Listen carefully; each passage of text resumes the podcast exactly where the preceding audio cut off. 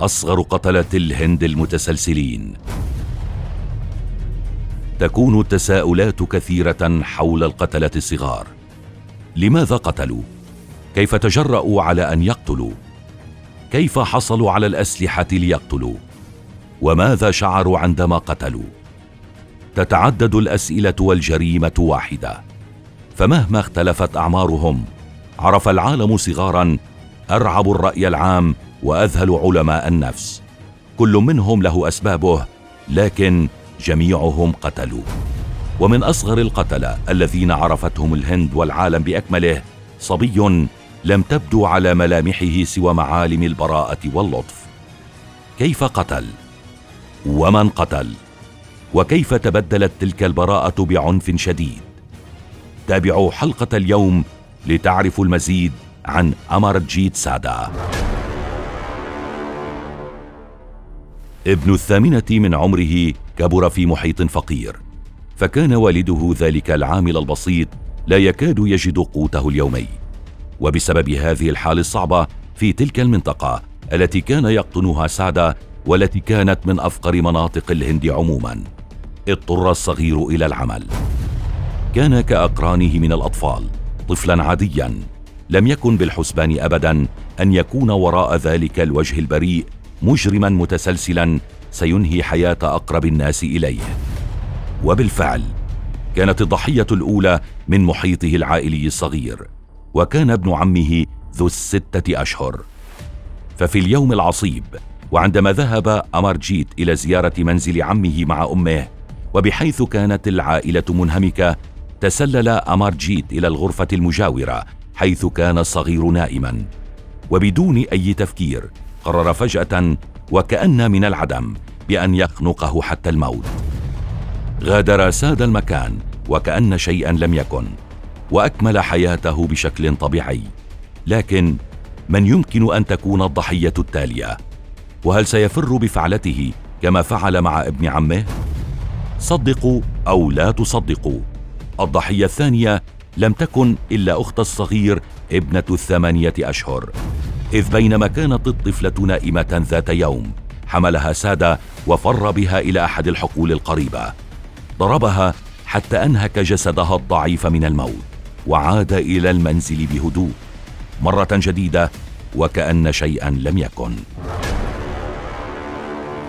تساءل الوالدان عن مكان ابنتهما ولم يكن إلا أن جاوب أمرجيت بالصمت ليقودهما بعدها إلى مكان الجثة.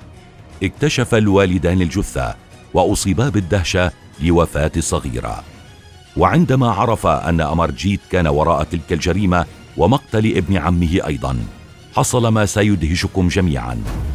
إذ أخفى الوالدان الأمر وخوفا من العقاب على ابنهما نفت العائلة أن تكون الابنة قد ماتت قتلا بل أنها سقطت من دون قصد حين كان أمرجيت يحملها.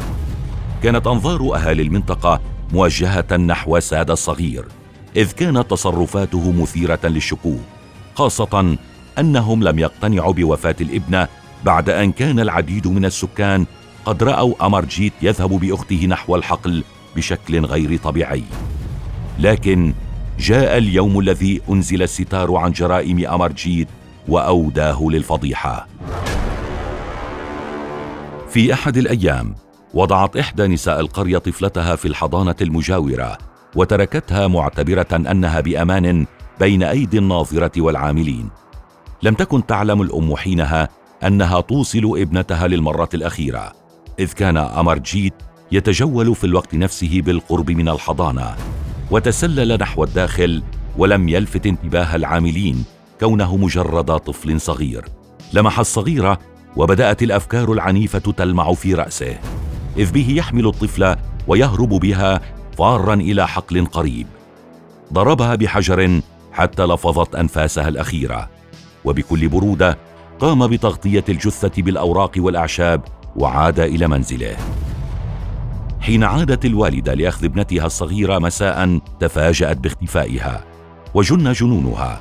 فراحت تصرخ بصوت عال إلى أن اجتمع أهل القرية حولها وعلموا بالأمر. بدأ الجميع بالبحث عن الطفلة ووجدوها بعد وقت قصير غارقة في بركة من الدماء في الحقل المجاور. أتت الشرطة إثر انتشار الأخبار والتبليغ وسمعت أقاويل السكان الذين وجهوا اصابيع الاتهام لامر جيت كونه صاحب سوابق. لم تأخذ الشرطة الكلام ذلك على محمل الجد اولا كونسا ده مجرد طفل صغير لكن استدعته للتحقيق. وهنا كانت المفاجأة التي صعقت رجال الشرطة. إذ كان الصبي يبتسم بكل برودة وغير مبال. وعندما سئل من قبل المحققين رفض الإجابة عن أي سؤال قبل حصوله على علبة بسكويت. وبالفعل أحضر رجال الشرطة البسكويت لأمرجيت الذي بعدها روى تفاصيل جرائمه واعترف بقتل أخته وابن عمه. شاتروغان كومار هو أحد المحققين في القضية. قال أنه طوال فترة حياته المهنية الطويلة لم يمر عليه شخص بهذه الثقة وعدم الخوف ولا حتى ظهرت على ملامحه أي لمحة حزن أو مشاعر ندم أو على الأقل رهبة من رجال الشرطة. وأثناء التحقيقات حاول والدا أمارجيت تبرير أفعاله بذريعة أنه لا يعرف الصواب من الخطأ لكن محاولاتهم باءت بالفشل وأصرت الشرطة أنه مذنب ويعرف جيدا ماذا يفعل. بعدها تم تشخيص حالة أمارجيت من قبل عدد من الأطباء النفسيين وخلصوا إلى أن لديه حالة من الساكيوباثية كما أنه يعاني من خلل في الدماغ أدى إلى اختلال التوازن الكيميائي والذي يجعله يشعر باللذة والمتعة حين يلحق الأذى بالآخرين ويراهم يتألمون. وتم تشخيص حالته رسميا على أنه اضطراب في السلوك. وقد تمت محاكمته في سجن الأحداث وبحسب القوانين الهندية لا يمكن أن يحكم على طفل في هذا السن بأكثر من ثلاث سنوات قضاها في مؤسسة إصلاحية. وبسبب حالته العقلية فقد تم إيداعه في مصحة عقلية بعد أن قضى عقوبته ويقال إنه تم إطلاق سراحه بعد أن أتم الثامنة عشر من عمره. وتقول المصادر إنه اضطر لتغيير هويته ليخفي اسمه الحقيقي كي يستطيع الانخراط في المجتمع مجددا. يقال أيضا إنه تمكن من العودة لعيش حياة طبيعية. لكن هل تعتقدون أنه ندم بعد أن نفعه العلاج وعاد لصوابه؟ أم أنه سيقترف المزيد من الجرائم ويعود إلى سلوكه المنحرف.